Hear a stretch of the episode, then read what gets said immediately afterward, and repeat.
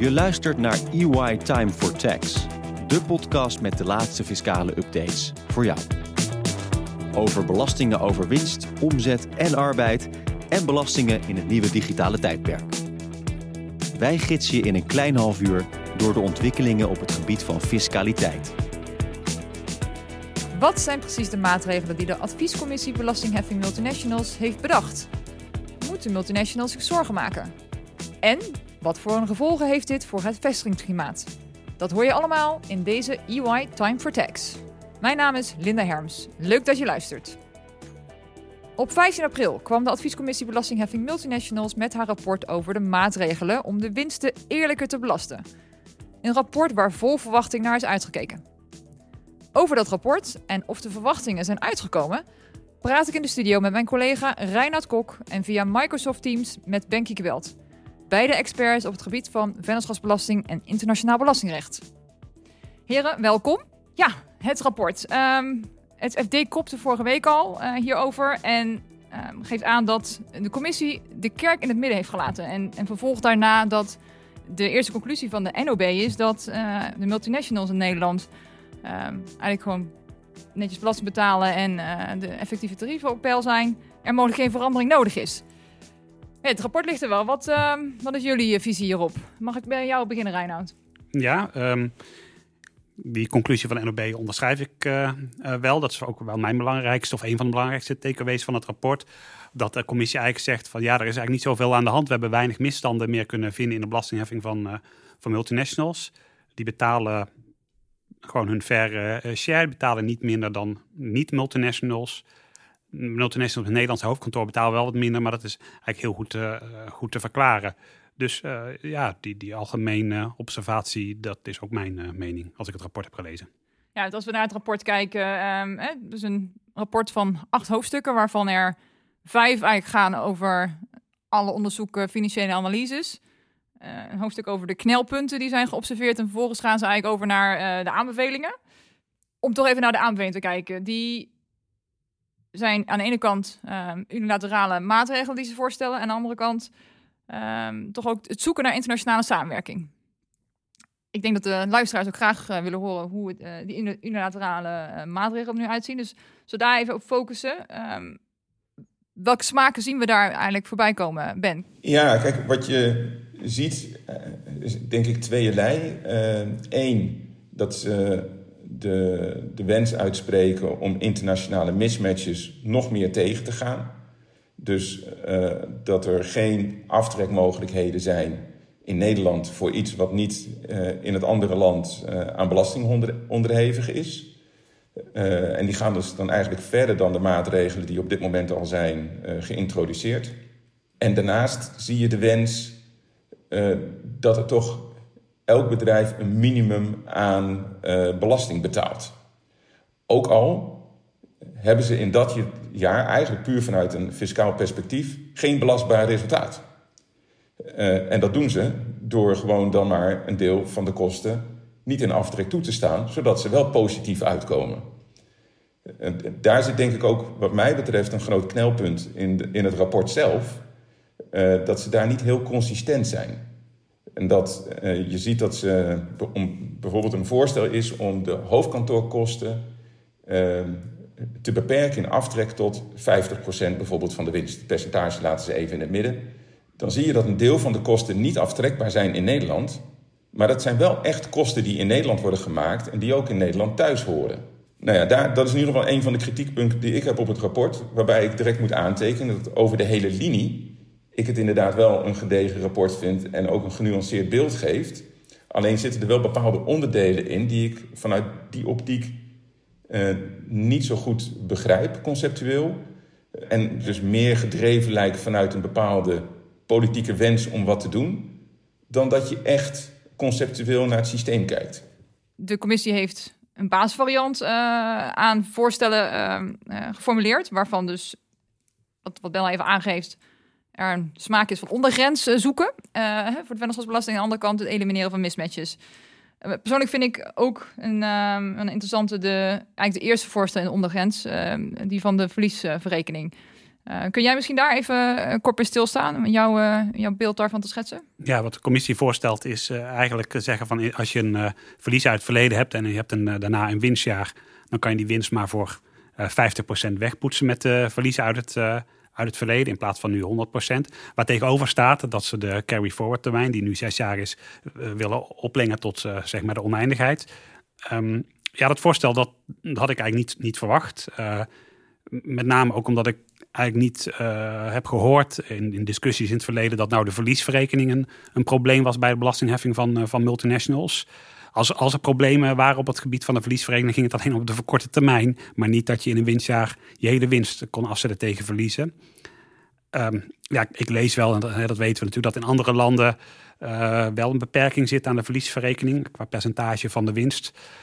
Maar ja, dat, dat is natuurlijk geen argument. Want zo kan je uit uh, alle landen wel de slechtste maatregelen gaan kiezen. En dan uh, hou je uiteindelijk niet heel veel van je vestigingsklimaat over.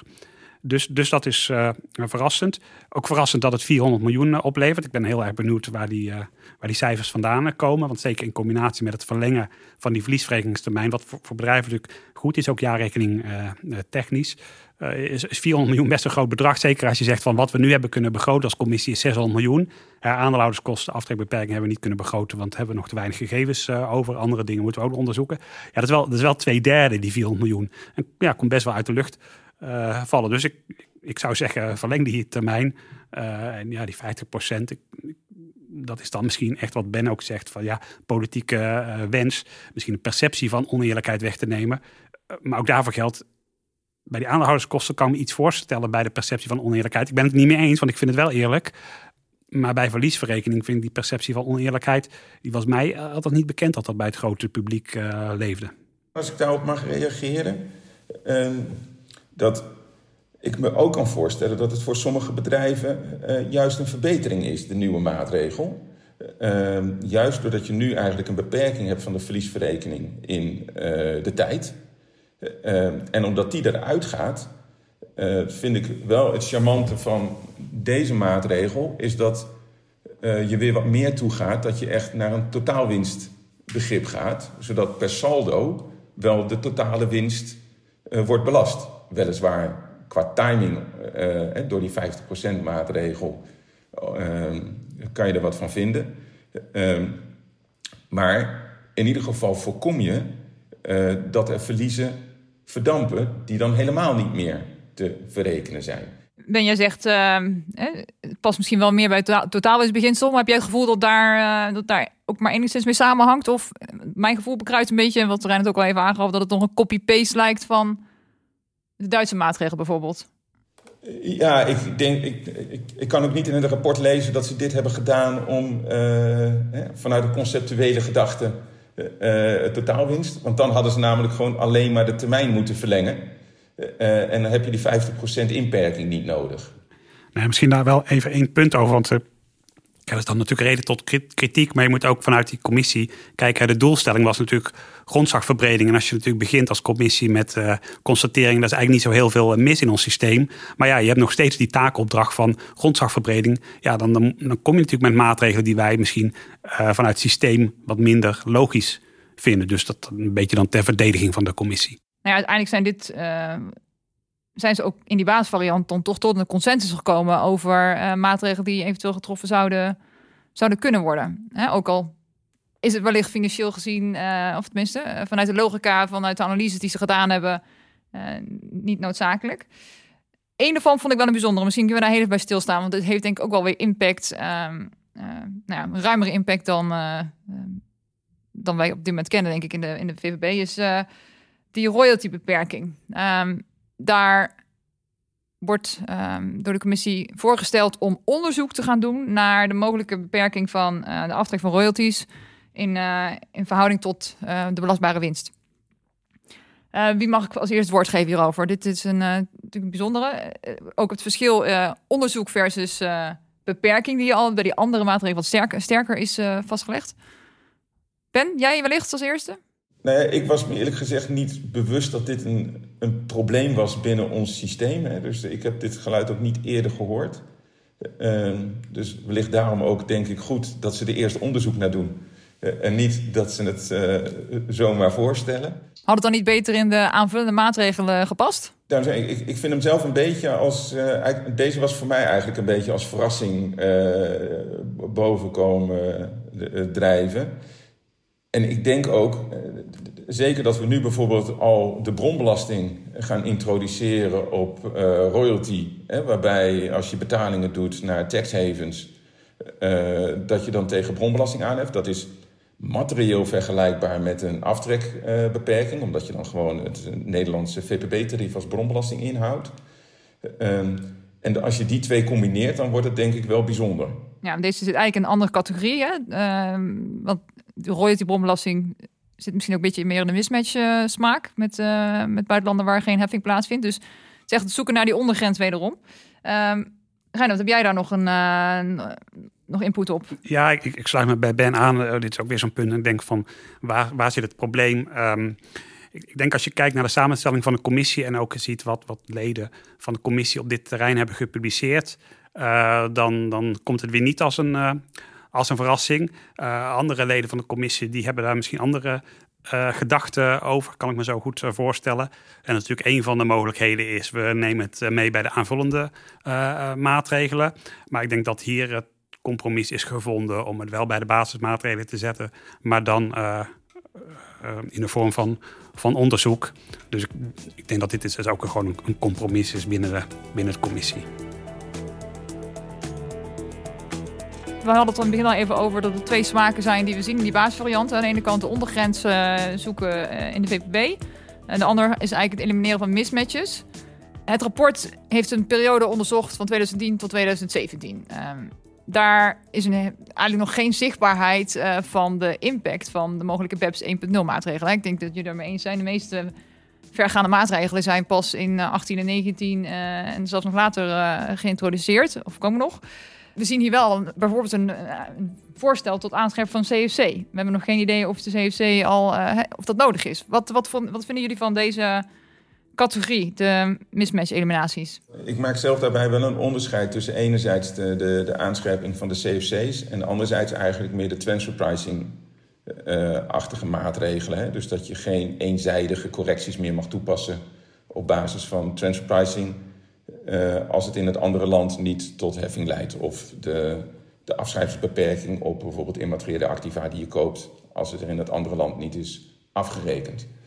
Uh, als ik kijk naar de TP-correcties, dan passen ze denk ik in het huidige politieke beeld en klimaat en de hele publieke opinie.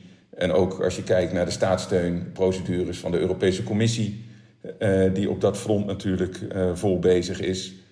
Uh, dus die maatregelen komen denk ik niet echt als een verrassing. Of je het er conceptueel mee eens bent, hè? dat is dan even vers 2.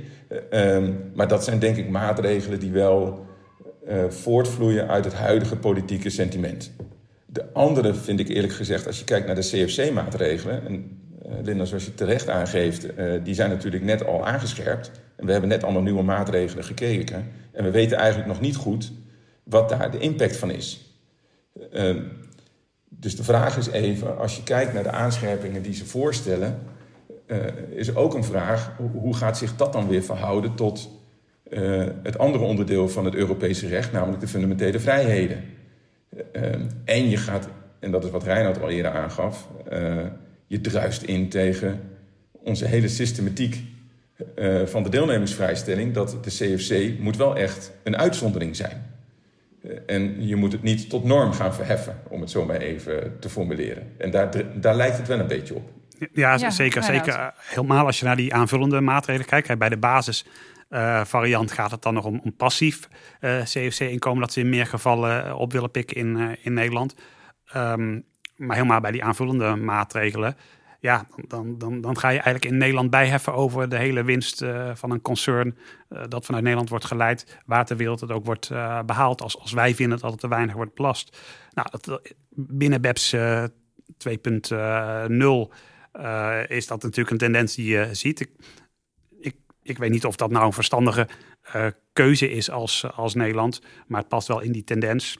Um, het is wel, wel aardig, dat zie je natuurlijk bij meer uh, maatregelen, analogie die ik wel eens hoorde. Hè. Vaak uh, kan je de belastingopbrengst wereldwijd met een, met een pizza, of de belaste basis met een pizza vergelijken.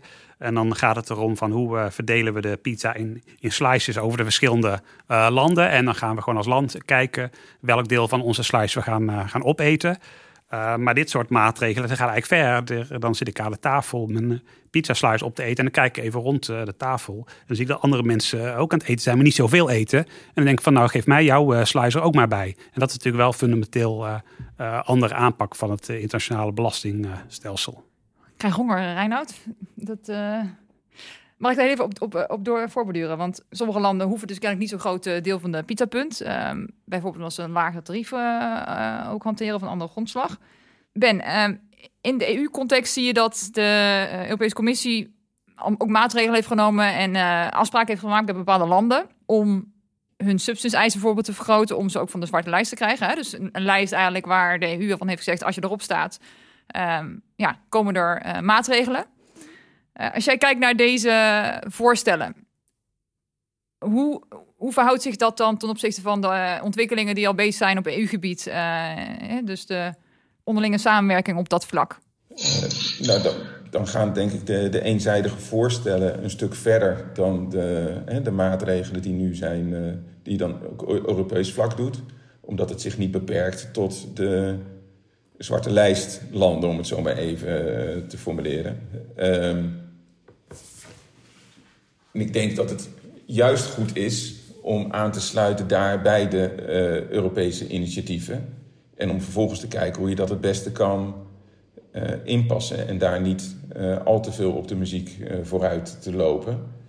Ehm, zodat je gewoon nou ja, echt maatwerk kan, kan leveren, zeg maar, naar aanleiding van die, van die voorstellen.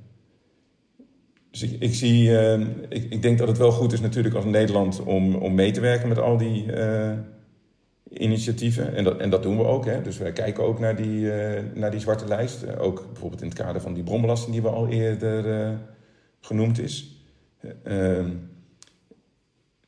en dan heb ik wel wat moeite inderdaad met het CFC-element in de, in de discussie. Ehm, maar goed, dat is meer omdat ik misschien zelf ook echt wel een fel uh, aanhanger ben van onze huidige deelnemingsvrijstelling.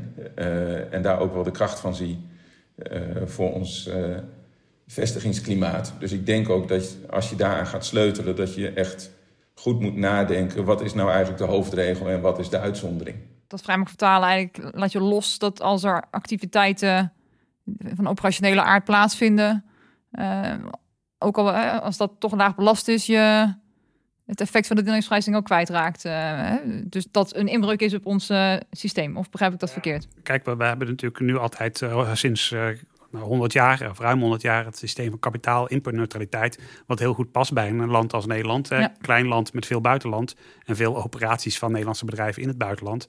Ja, daar, dan ga je een fundamenteel andere keuze maken. En wat ik al zei, ja, of dat nou heel verstandig uh, is van los van of je er misschien in EU-verband uiteindelijk toe gedwongen gaat worden.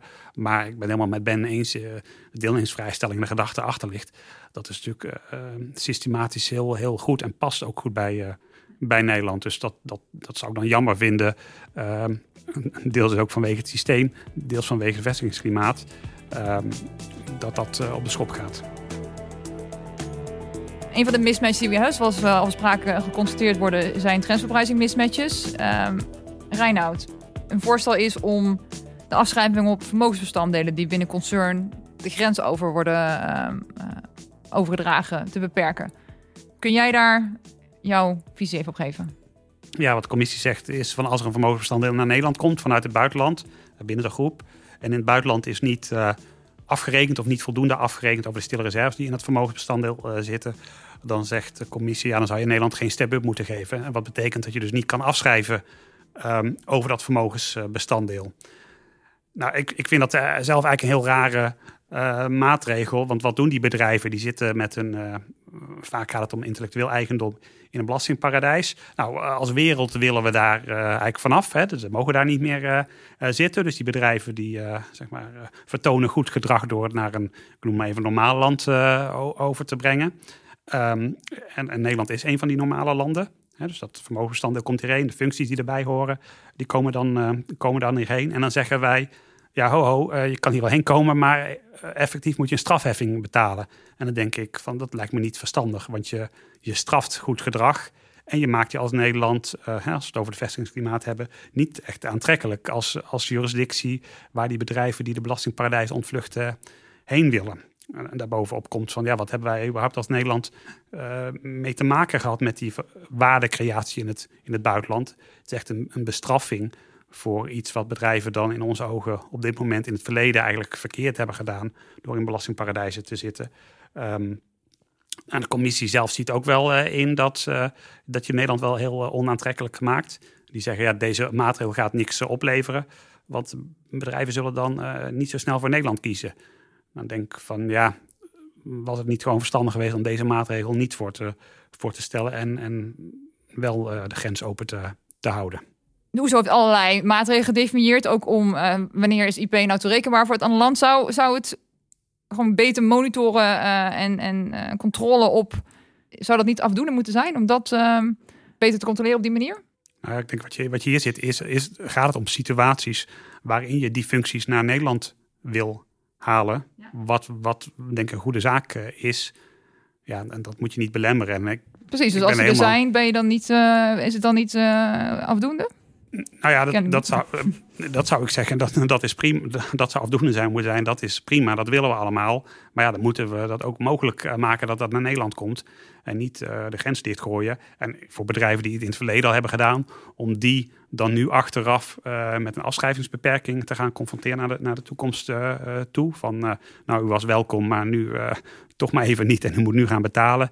Ja, dat, dat, dat, dat vind ik dat dat niet zou moeten, moeten gebeuren. Wellicht kunnen we even spreken over dit ligt er nu. Wat, wat moeten bedrijven hier uh, nu al mee doen? Ben, heb jij uh, daar een eerste reactie op? Kijk, je ziet in wezen al een gedragswijziging plaatsvinden door heel fiscaal Nederland. Hè? Dus uh, er zijn op dit moment, denk ik zeker als je kijkt naar de Nederlandse multinationals, zie je dat men al helemaal niet meer actief is, uh, actief op zoek is naar al die mismatches en bijvoorbeeld TP-mismatches en dat soort zaken. Um, dus je ziet eigenlijk dat een heel groot deel van wat er nu wordt aangegeven van dat gaan we aanpakken, dat het eigenlijk al niet meer gebeurt. Of in ieder geval in veel mindere mate uh, gebeurt.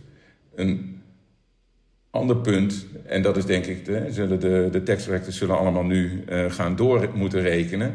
Uh, wat met name de base case scenario voor hun als impact heeft. Hè? Hoe het hoe het financieel uitpakt. Kijk, als je kijkt naar de Nederlandse uh, multinationals, verwacht ik dat ze veel moeite zullen hebben met de uh, beperking van de aandeelhouderskosten. En ik denk dat daar voor hun het, een van de grootste pijnpunten zit. Hè? Met, met echte bedrijven die het hoofdkantoor hier in Nederland hebben. En dat die kosten dus dan voor een gedeelte nergens meer tot uitdrukking kunnen komen. Um, maar ik verwacht eigenlijk verder niet een hele grote opstand van de Nederlandse multinationals richting dit rapport. Uh, en dat komt denk ik inderdaad omdat zij, uh, nou ik denk dat de, impact zal dus met name zitten in de verliesverrekening en in de uh, inperking van de aandeelhouderskosten. En ik kan me voorstellen dat een aantal best wel kunnen leven met de inperking van de verliesverrekening, als het dan maar gepaard gaat met die onbeperkte termijn van verrekenbaarheid. Uh, en dat het pijnpunt dus inderdaad met name zit in die aandeelhouderskosten. Wat je daar wel ziet is natuurlijk, en dat heeft ook te maken met de timing op dit moment van het rapport. Kijk, eh, ook budgetair is een van de belangrijkste wijzigingen is de aanpassing van je verliesverrekening tot 50% van de winst. Dat rapport komt uit terwijl er net een motie is aangenomen om te onderzoeken of we de verliesverrekening niet moeten gaan verruimen. Uh, in het oog van ja. coronamaatregelen. Uh, en uh, het is voor mij niet goed voorstelbaar dat je dan eigenlijk die motie, die, die breed is aangenomen en die ze dus nu gaan onderzoeken, die kan je eigenlijk niet uitvoeren in combinatie met deze. Ehm, want dit geeft een liquiditeitsverzwaring Terwijl de coronamaatregelen nu natuurlijk juist de liquiditeitsverlichting uh, moet geven. Dus als ze deze maatregel al uh, zullen overnemen, verwacht ik dat dat pas gaat gebeuren na dat dan eigenlijk de coronamaatregelen zijn uh, uitgewerkt. Dus in ieder geval verwacht ik dat die maatregelen zullen worden uitgesteld. Ik kan me niet goed voorstellen dat dit echt op korte termijn wordt aangenomen in het licht van de huidige situatie. Is ook iets wat het commissie zelf aangeeft hè, in de, bij de presentatie van het rapport. Uh, maar goed, ze hebben beloofd het rapport nu op te leveren, dus, zeggen, dus leveren we het nu ook op. Uh, maar ik denk dat ze zich ook wel realiseren dat dit eigenlijk qua timing niet ideaal is. Uh, als je het, uh, ze, ze, lopen denk ik ook wel het risico om het momentum van het rapport wat uh, te verliezen. Ehm, juist omdat dit een van de belangrijkste elementen van het rapport is. Kortom, ondanks dat bepaalde vragen kunnen worden gesteld bij de noodzaak, denk ik, van de unilaterale maatregelen zoals die zijn voorgesteld, is in ieder geval consensus bereikt door de commissie over een aantal maatregelen. Um, als ik jullie zo beluister, zullen de tekstdirector zeker in de gaten moeten houden wat de impact gaat worden van de ja, beperking van de verliesverrekening. Maar dat zeker ook de beperking van aftrek van aandeelhouderskosten en royalties een, uh, ja, een voorstel is dat ehm, mogelijk heft, veel impact kan gaan hebben. En tot slot er in, de, in het kader van de mismatches, ehm, de aanscherpingen ja, op CFC-gebied een of verder gevolg kunnen hebben dan we nu al, al, kennen en eigenlijk nog niet weten wat de impact is geweest. Hebben jullie nog aanvullingen daarop? Nee, ik vind het een heel goede samenvatting. Ja, daar sluit ik me bij aan. misschien inderdaad, als mochten bedrijven nu herstructureringen overwegen, let dan in ieder geval goed op dit rapport, zodat je in ieder geval weet dat je wat je nu doet niet zo meteen in de problemen komt. Dankjewel. Dit was EY Time for Tax. Mijn naam is Linda Herms. Dank voor het luisteren. Wil je nu niks missen van deze podcast? Abonneer je dan via Apple Podcast of Spotify. Tot de volgende keer.